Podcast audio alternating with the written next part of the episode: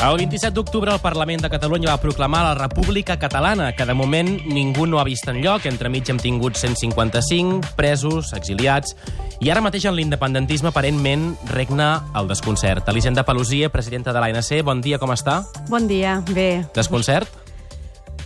Home, la gent ens hem, ens hem hagut d'anar situant al nou escenari, no? Jo crec que ara mm, comença la cosa a estar una mica més mm, més estabilitzada i, i bueno, anem reprenent forces i anem refent l'estratègia. Si això fos un partit de bàsquet, l'independentisme ara mateix demanaria un temps mort? Uh, portem una mica de temps mort, eh? Ara, Ara esteu en temps mort? No, no, hem estat en temps mort. Tot el tema de la repressió política, que va deixar una mica perplex... Jo crec que no estaven preparats, no?, els partits polítics, les entitats. Mm, la repressió política va, va afectar inicialment i hem tingut, doncs, aquest temps una mica de resituar-nos, també des del punt de vista d'haver aconseguit aquella victòria que va ser el referèndum d'autodeterminació el primer d'octubre, però, en canvi, no haver estat capaços de materialitzar organitzar la república, això a la base independentista és el que deies, que la va deixar amb una mica de desconcert, una mica perplexa, perquè ells esperaven, doncs, s'esperava doncs, poder fer una defensa de la república que al final no, no es va fer, no? Però us heu resituat, heu redefinit l'estratègia? S'està començant a redefinir l'estratègia. El que és evident és que, des del nostre punt de vista, doncs els objectius polítics són irrenunciables i el nostre objectiu és que es faci efectiva aquesta república catalana que es va declarar el 27 d'octubre al Parlament, però que no es va fer efectiva, i hem de saber tornar a generar o aprofitar les oportunitats que es plantegin per fer-la efectiva. No? Eh, com va ser una oportunitat la del referèndum del 1 d'octubre, n'haurem de saber generar d'altres. De fet, ha passat, ha, ha passat poc més de mig any des d'aquest referèndum de l'1 d'octubre, però els protagonistes a una i altra banda del tauler han canviat.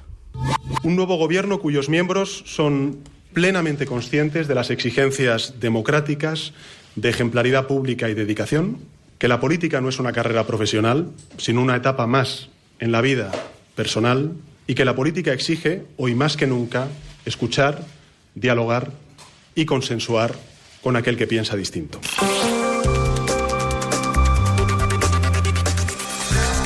Què n'esperen de Pedro Sánchez?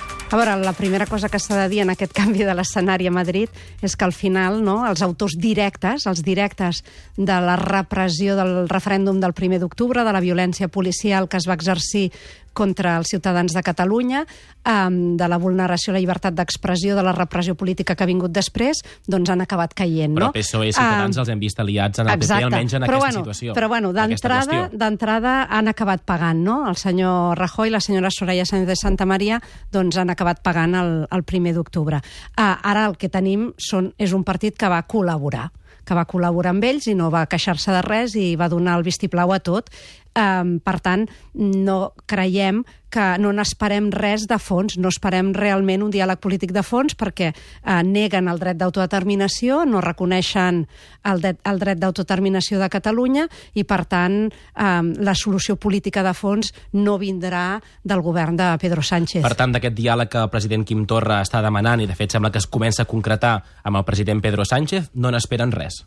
Uh, bueno, jo, jo, jo sincerament uh, no veig cap signe de que abordin la problemàtica política de fons, que és reconèixer que un poble, una nació com la catalana, té dret a l'autodeterminació, no? el que es va fer en el seu dia a Gran Bretanya, el que van fer els conservadors a Gran Bretanya, ja no tan sols els laboristes. Això no, no veig que estigui um, sobre la taula. De fet, uh, compto, i així ens ho ha dit el president, que, i així ho ha, ho ha dit el president, no?, um, Torra, que ell plantejarà uh, el diàleg sobre la base de, de, del dret d'autodeterminació.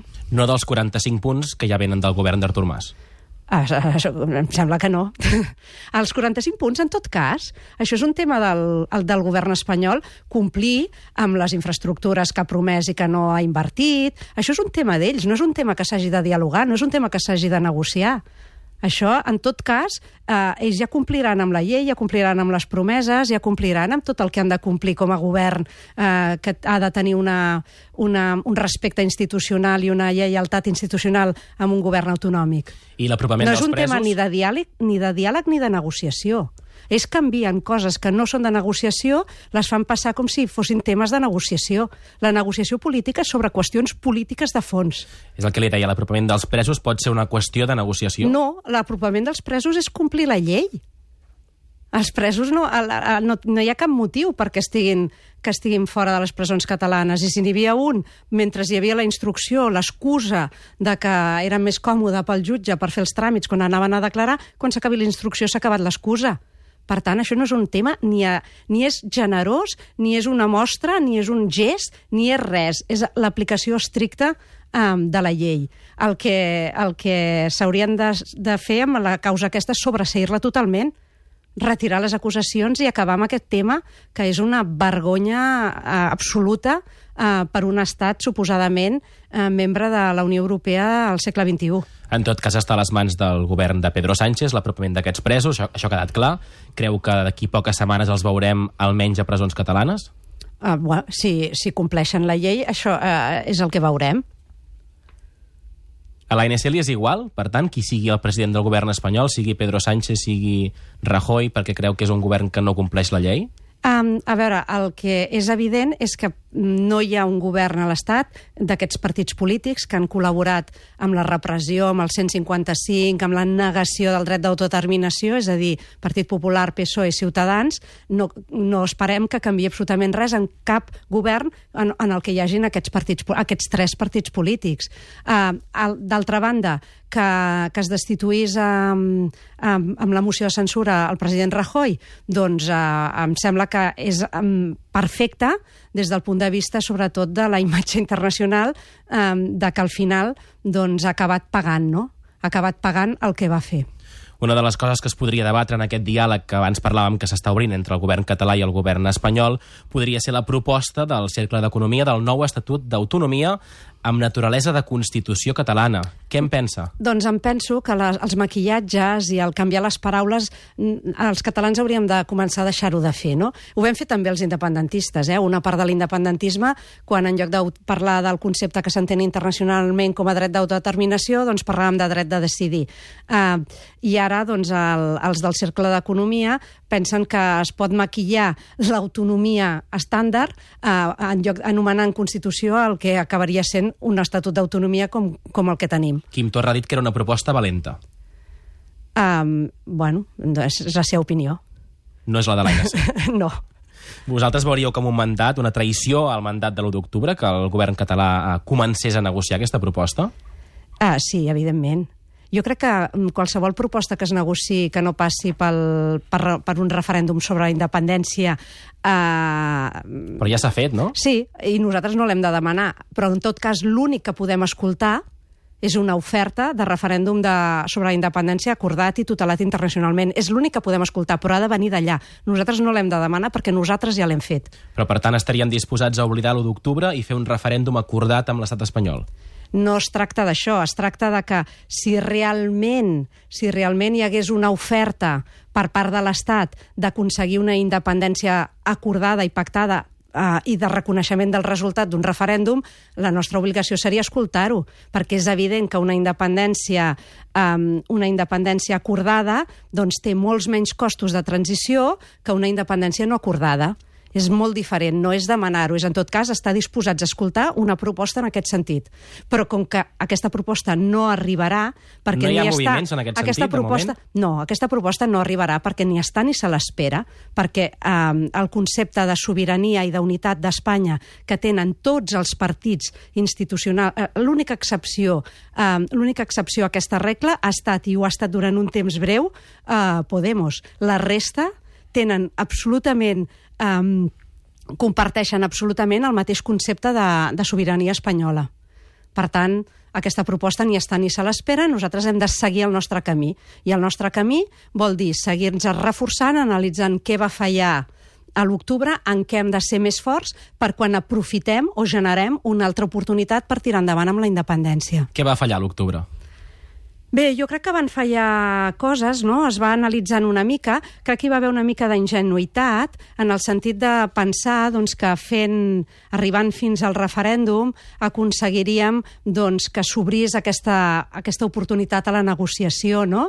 Eh, probablement es, es va pensar, ui, aquí apareixeran, eh, anirem fins aquí, només fins al primer d'octubre, i llavors ja hi haurà com una, una voluntat d'obrir un diàleg polític de fons que no hi era, que no hi era, perquè el que hi ha és una voluntat d'aniquilar una voluntat d'aniquilar-nos i de matar absolutament um, tot, el, tot el nostre moviment. No? Um, això per una banda, aquesta ingenuïtat que llavors va fer que es perdés momentum, que es perdés temps, que es anéssim desgastant durant el mes d'octubre uh, perquè no es va aprofitar i no es va capitalitzar l'impacte del que havia representat l'1 d'octubre i el 3 d'octubre en termes de control del territori que vam tenir aquells dos dies. No? Um, després, doncs, um, clar, hi va haver el tema de les amenaces, no? Això és el que ens han dit, és el que ens va dir el president de la Generalitat, és el que ens va dir la secretària general d'Esquerra, eh, de la por que acabés havent-hi una violència més intensa per part de l'Estat. Um, clar, no ho sabrem mai, no?, si hi havia aquesta opció o no. Ara anem sabent coses. El síndic de Greuges ens va dir ahir que, que de fet, la violència policial del, de l'1 d'octubre es va aturar al migdia, amb una trucada de Merkel. Amb una trucada d'Angela Merkel. Això no ho dic jo, ho ha dit el síndic de Greuges. Si això fos cert, si això fos cert, és evident que l'1 d'octubre vam veure aquell nivell de violència que està disposada a tolerar la Unió Europea. Per tant, si això fos cert i aquest fos el nivell de violència que està disposada a tolerar la Unió Europea, el que hauria passat a l'octubre és que ens van deixar, ens van fer mella unes amenaces que no eren creïbles. Vist en perspectiva, després de més de sis mesos, què creu que hagués hagut de fer l'ANC, en aquest cas la seva, la seva organització, que en aquest cas vostè no era presidenta, llavors, eh, el dia 10 d'octubre, per exemple, quan es va posposar la declaració d'independència o després de la proclamació el 27 d'octubre. A, a veure, és difícil perquè, clar, jo no hi era, no formava part del secretariat, no he pogut parlar encara en persona amb el Jordi Sánchez perquè fins ahir no ha pogut canviar la llista de persones que el poden anar a Vostè visitar no hi a ha la presó. anat a la presó encara? No, perquè, perquè hi ha unes llistes, excepte els advocats, els llicenciats en dret i col·legiats que tenen dret a anar-hi a qualsevol hora, a qualsevol dia, la resta de persones hem de gastar els 40 minuts que tenen per la família i els amics, i això va amb un sistema de llistes que són ells qui autoritzen els mm, presos o les preses qui autoritzen que I els encara pot... no hi és, vostè. I encara ara, ara estaré a la llista, llavors ara el podré anar a veure. No?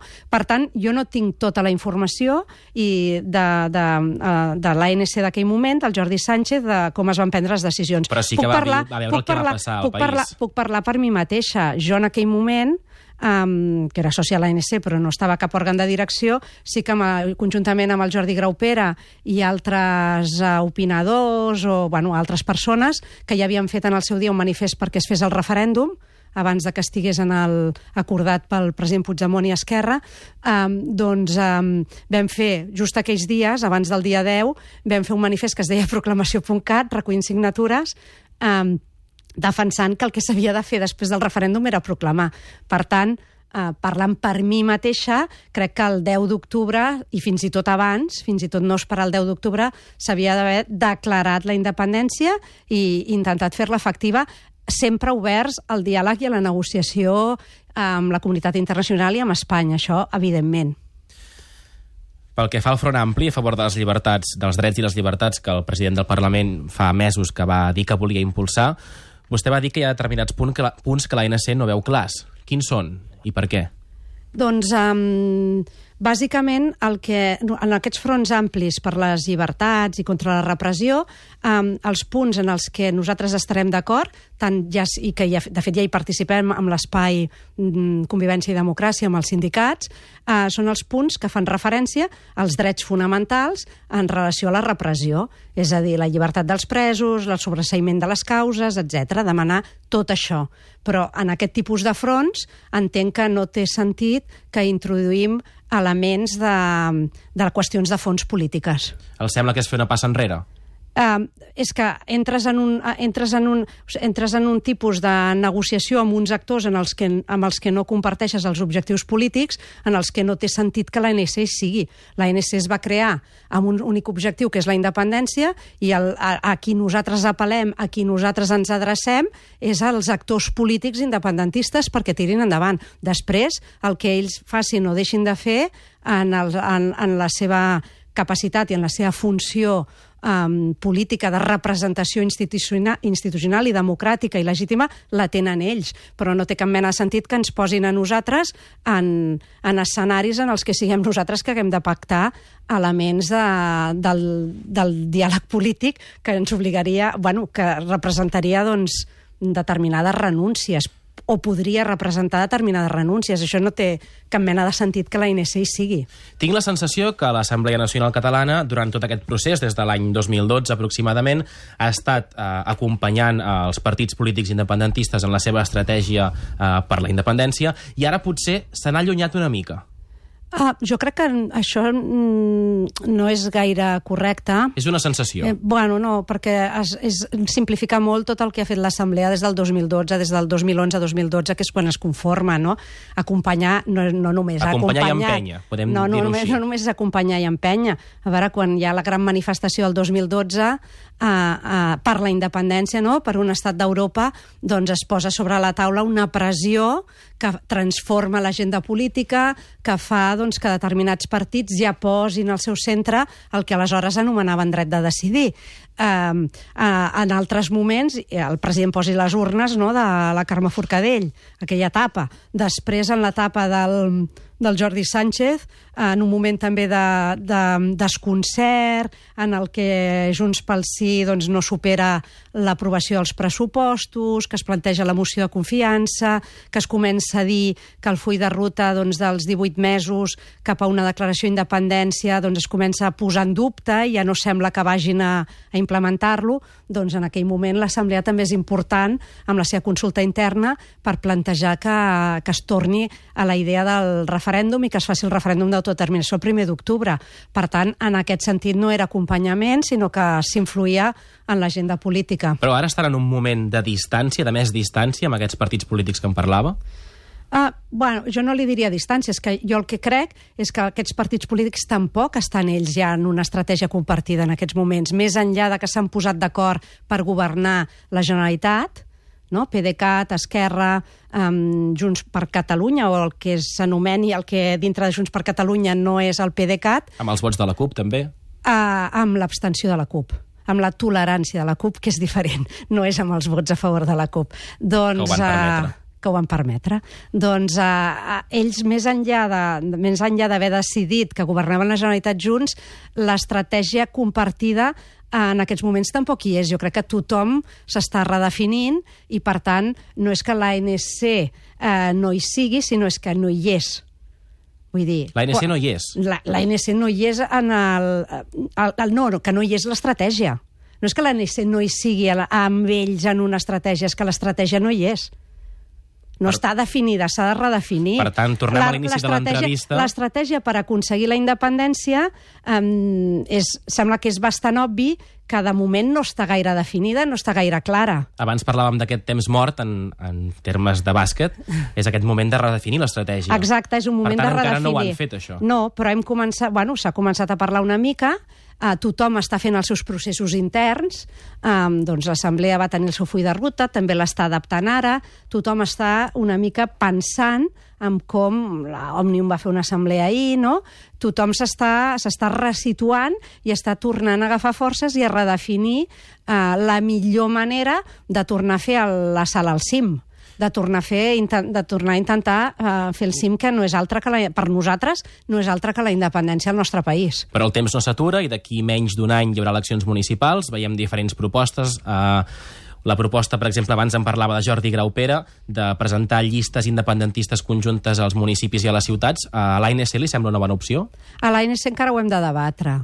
No hem debatut encara internament, sí que ens ha arribat per part d'algunes territorials, d'alguns municipis determinats, en els que hi ha un risc de majoria unionista i fins i tot doncs, d'alcaldia o bueno, molts vots de ciutadans i regidors. Bueno, ens ha arribat des d'alguns territoris concrets, des d'alguns municipis concrets, des de les nostres assemblees d'allà, perquè sabeu que la- l'ANC està implantada arreu, a pràcticament tots els municipis de Catalunya, doncs sí que ens ha arribat com una petició, en aquest, alguna petició en aquesta línia. I ara això ho hem de debatre, ho hem de debatre internament, perquè bueno, hi pot haver múltiples opcions en el debat, no?